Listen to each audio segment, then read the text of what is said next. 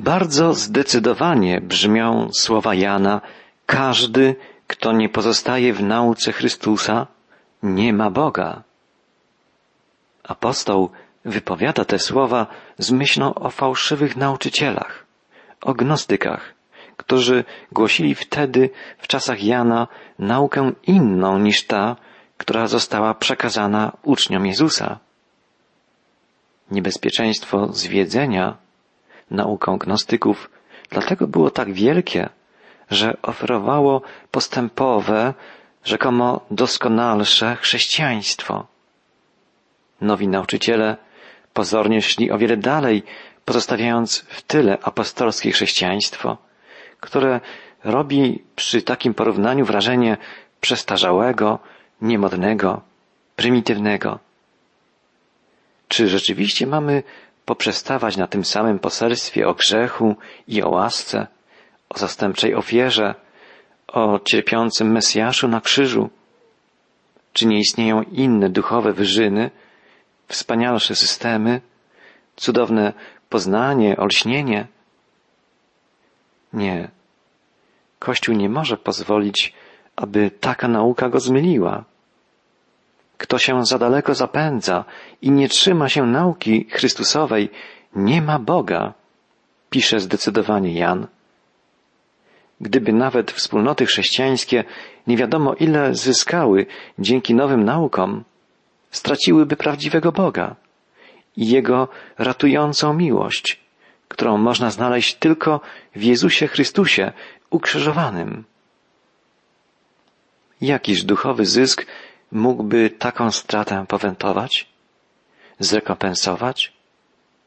Pozostawanie w nauce apostolskiej nie może się wydawać zacofaniem, upieraniem się przy starym, trwożliwym trzymaniem się tradycji. Nie, chodzi o coś zupełnie innego. Jan pisze, kto trwa w niej, w tej nauce, ten ma i ojca i syna. Oczywiście nawet najbardziej prawidłowa nauka może stać się wyschłą skorupą. Jednak tak może stać się tylko wtedy, gdy nie pamięta się o wspaniałej, potężnej treści tej nauki i nie żyje się nią. Żywa treść znajduje się tylko w nauce apostolskiej, która sama tylko może nam tę treść przekazać. Chodzi o naukę, której treść stanowi Chrystus, właśnie jako przychodzący w ciele, ukrzyżowany, zmartwychwstały. To podkreśla Jan w swoich listach, we wszystkich trzech listach. Jest to także nauka, w której sam Chrystus w mocy Ducha Świętego uczy i prowadzi ludzi.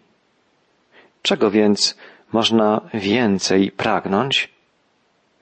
Wierzący mają zapewnienie, kto trwa w niej, w tej nauce, ten ma i ojca, i syna. Ojciec i syn nierozłącznie do siebie należą. Ojca możemy mieć tylko w synu i syna tylko w ojcu. Tak pisze Jan apostoł. Nie chodzi tu o jakieś dogmaty teologiczne, co do których można by mieć takie czy inne zdanie. Chodzi o samą rzeczywistość Bożą. I to nie tylko o teoretyczne jej poznanie owej rzeczywistości, ale o żywe posiadanie tej Bożej rzeczywistości, Bożej prawdy. Chodzi o posiadanie i Ojca, i Syna. To wspaniała prawda. Kto trwa w nauce apostolskiej, nauce Chrystusowej, ma i Ojca, i Syna. Na pewno Jan, pisząc te słowa, miał w pamięci rozmowę z Jezusem, w czasie której Chrystus powiedział swoim uczniom, wierzcie mi, że ja jestem w Ojcu, a Ojciec we mnie. Ta niezwykła rozmowa toczyła się w przeddzień śmierci Jezusa, w czasie ostatniej wieczerzy. Jezus powiedział wtedy, jeśli mnie poznaliście, to i mojego Ojca poznacie. Już go poznajecie i zobaczyliście. Wtedy jeden z jego uczniów, Filip, poprosił, Panie, pokaż nam Ojca, a to nam wystarczy. Filip zadał pytanie, które wyraża najgłębsze pragnienie, jakie towarzyszy każdemu chyba człowiekowi wierzącemu. Pragnienie oglądania Boga, zobaczenia Boga na własne oczy. Pomyślmy przez chwilę, co jest naszym największym pragnieniem? Drogi przyjacielu, czy zastanawiałeś się nad tym? Czego pragniesz w swoim życiu najbardziej? Co jest Twoim ostatecznym celem? Czy to, że chcesz zostać kimś bogatym? Czy chcesz zostać kimś sławnym? Czy chcesz wychować swoje dzieci tak, żeby były prawymi ludźmi? Nasze cele mogą być mniej lub bardziej szlachetne, mniej lub bardziej wartościowe. Ale co jest naszym ostatecznym, głównym celem? Czy zwróciłbyś się do Jezusa, podobnie jak uczniowie, z prośbą Panie, pokaż nam Ojca, a to nam wystarczy? Tak zapytał Filip, a Jezus odpowiedział mu, Tyle czasu jestem z wami, a jeszcze mnie nie poznałeś, Filipie? Kto mnie zobaczył, zobaczył Ojca. Filip, jak i inni uczniowie, wiedzieli ze Starego Testamentu, że Mojżesz widział chwałę Boga, że Izajasz również miał wizję chwały świętego, wszechmocnego Pana. Jezus mówi, Filipie, widziałeś tak wiele cudów, których dokonałem. Czy nie dostrzegłeś w nich Bożej chwały? Filip przebywał z Jezusem, podobnie jak Jan, codziennie przez kilka lat. Słuchał Jego słów, widział, jak dokonywał On uzdrowień, jak wskrzeszał z martwych. Właściwie wszystko, co chciał zobaczyć, widział. Widział w Jezusie, w Jego czynach. Widział chwałę Boga. W Chrystusie Bóg objawia się w o wiele wspanialszy i pełniejszy sposób niż w jakimkolwiek innym objawieniu w czasach Starego Przymierza. Filip widział Boga wcielonego. Więcej, nie tylko widział Go, ale przebywał z Nim. Tak samo Jan rozmawiał z Jezusem, spożywał z Nim posiłki, uczestniczył w niezwykłych, cudownych wydarzeniach, które działy się za sprawą Pana. W liście do Hebrajczyków czytamy, iż Jezus jest odblaskiem chwały Boga i odbiciem Jego istoty. Słowa Jezusa, ten, kto zobaczył mnie, zobaczył także i Ojca, nie oznaczają, że Filip czy Jan widzieli tę samą, identyczną osobę, osobę Boga Ojca i Jezusa, Syna ale widzieli osobę równą Ojcu co do mocy, chwały, świętości i tak samo będącą wiecznym, doskonałym Panem, wieczną miłością, dobrocią i absolutną prawdą. Boży Syn to jednorodzony Bóg, który jest w łonie Ojca i który objawił Ojca tak napisał o Jezusie apostoł Jan na początku swojej Ewangelii. Jezus Chrystus jest tą samą osobą, tą osobą Boga, którą możemy oglądać, dzięki temu, że przyszedł do nas w ciele. Jeśli wierzymy Jezusowi, jeśli Mu ufamy, spędzimy z Nim całą wieczność. Celem naszego życia jest poznać Go i przebywać Nim. W trakcie owej rozmowy Jezus zapytał jeszcze, czy nie wierzysz, że ja jestem w Ojcu, a Ojciec we mnie? Tego, co mówię do Was, nie mówię od siebie. Ojciec bowiem, który jest we mnie, czyni swoje dzieła. Zarówno słowa Jezusa, jak i Jego czyny są dzianiem się woli Boga Ojca.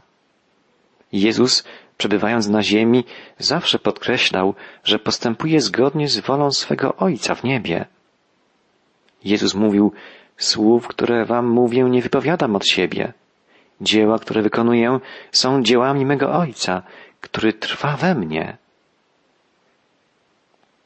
Tak więc, gdy człowiek wierzący słyszy słowa Jezusa, słyszy głos Ojca, gdy widzi czyny Jezusa, widzi dzieła Ojca, działającego poprzez Syna. Jezus wypowiedział w tamtej rozmowie z uczniami słowa bardzo niezwykłe, wspaniałe i ważne. Słowa wybiegające w daleką przyszłość. Już niedługo, a świat nie będzie mnie oglądał, lecz wy będziecie mnie oglądać, ponieważ ja żyję i wy żyć będziecie. Tego dnia poznacie, że ja jestem w moim Ojcu, a wy we mnie i ja w was. Jezus mówi, nadejdzie dzień, w którym poznacie, że ja jestem w Ojcu, a wy we mnie i ja w was. Są to słowa pozornie proste, nie zawierają jakichś trudnych zwrotów, trudnych wyrażeń, ale tak naprawdę trudno zmierzyć ich głębię, nawet najmędrszemu człowiekowi. Bo co znaczy stwierdzenie Jezusa, poznacie, że jesteście we mnie, a ja w was? My w Chrystusie to określenie mówiące o naszym zbawieniu. Być zbawionym to znaczy być ukrytym w Chrystusie. Bóg widzi człowieka albo ukrytego w Chrystusie, albo pozostającego poza Chrystusem. Jesteśmy poprzez wiarę ukryci w Chrystusie, albo pozostajemy na zewnątrz, ze swoimi grzechami, zgubieni. Jeśli jesteśmy ukryci w Chrystusie, Bóg widzi nas jak gdyby poprzez pryzmat Jego świętości. Jego sprawiedliwość staje się naszą sprawiedliwością.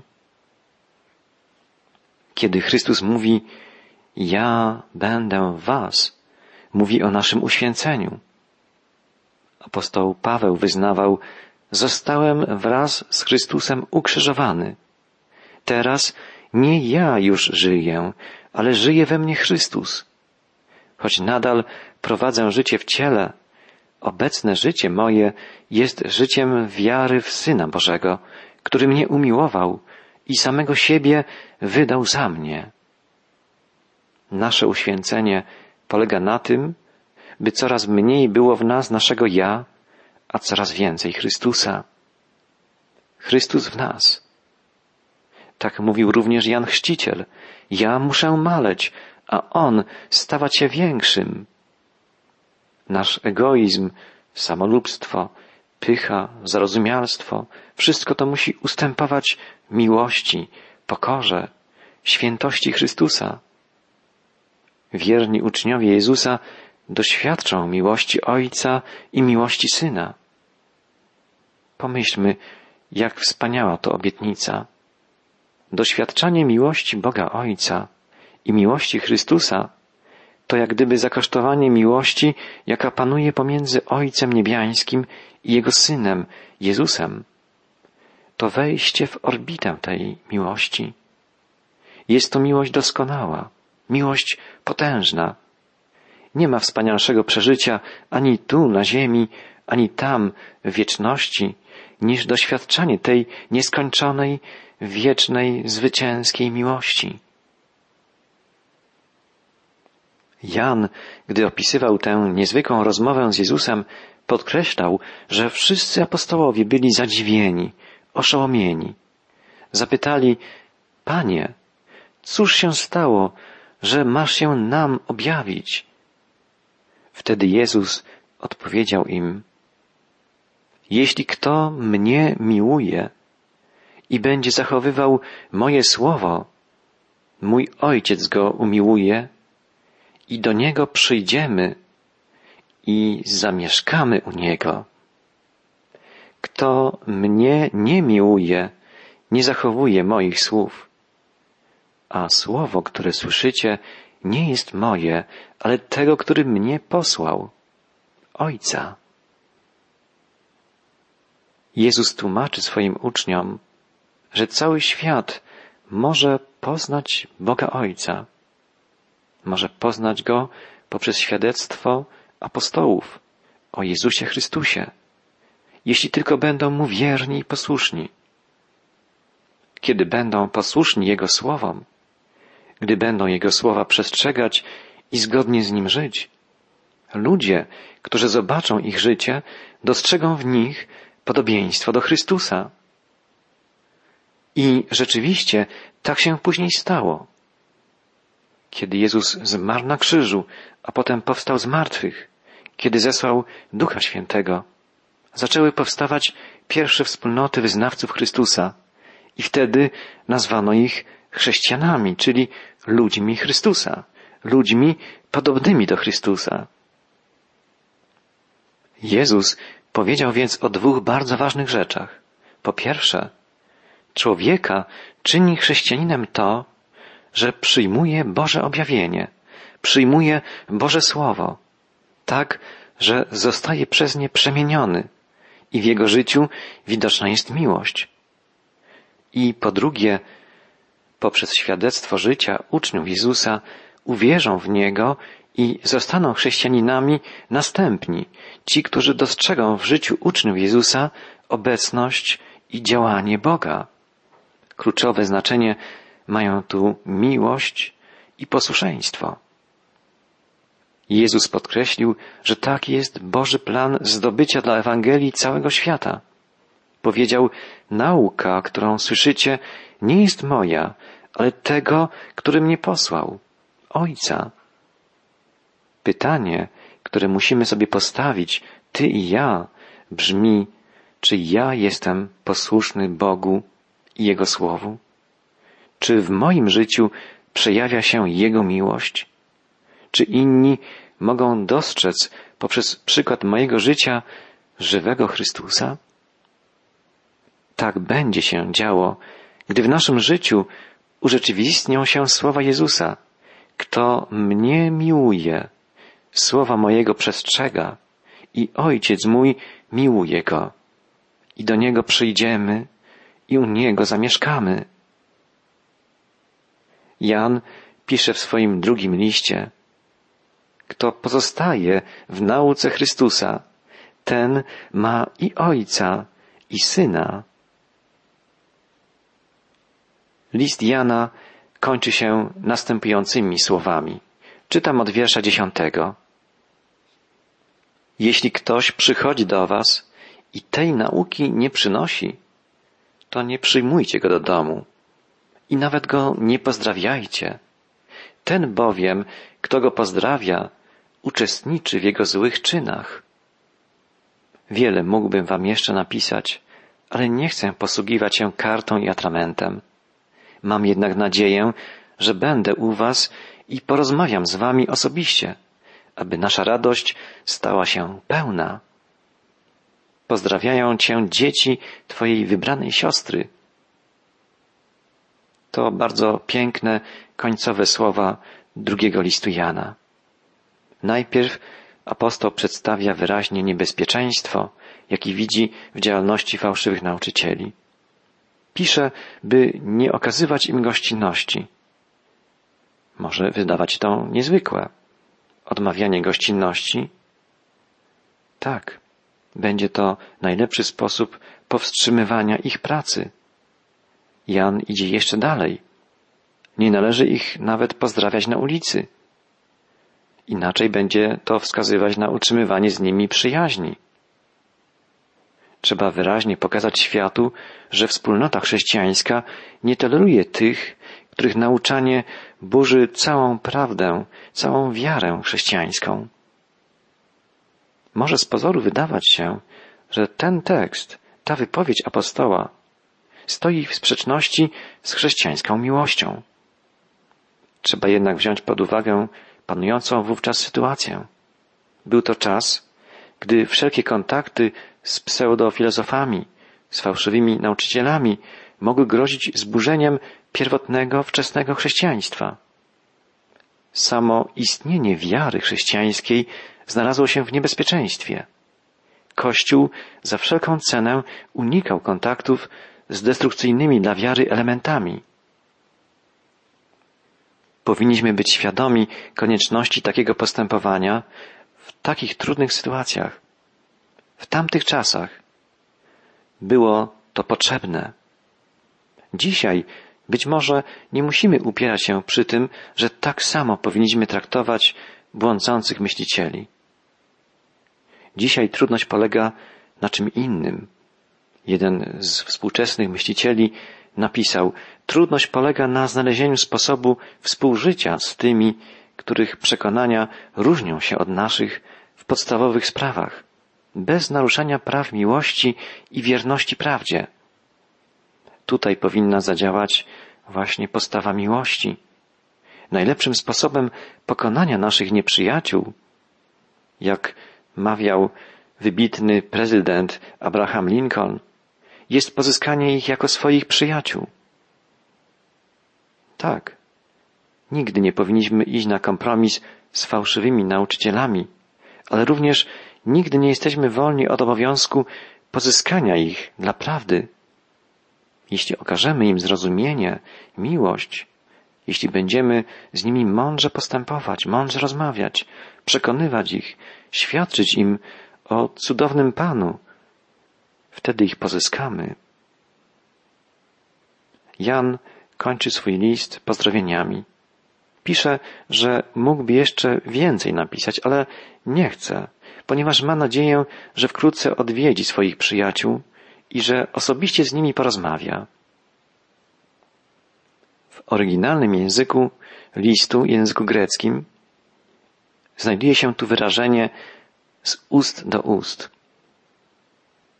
Izraelici, podobnie zresztą jak Grecy, nie mówili, że rozmawiają twarzą w twarz, ale że mówią z ust do ust. W Starym Testamencie tak Bóg mówi o Mojżeszu. Z ust do ust przemawiam do niego. Jan dobrze wiedział, że list czasami może zaognić trudną sytuację, a kilka minut serdecznej rozmowy może zdziałać więcej niż sterta listów. Zarówno w sprawach osobistych, jak i w sprawach Kościoła, listy nie były w stanie wszystkiego załatwić, bo najdokładniej napisany list może być opacznie zrozumiany, podczas kiedy wspólna rozmowa potrafi wyjaśnić bardzo wiele.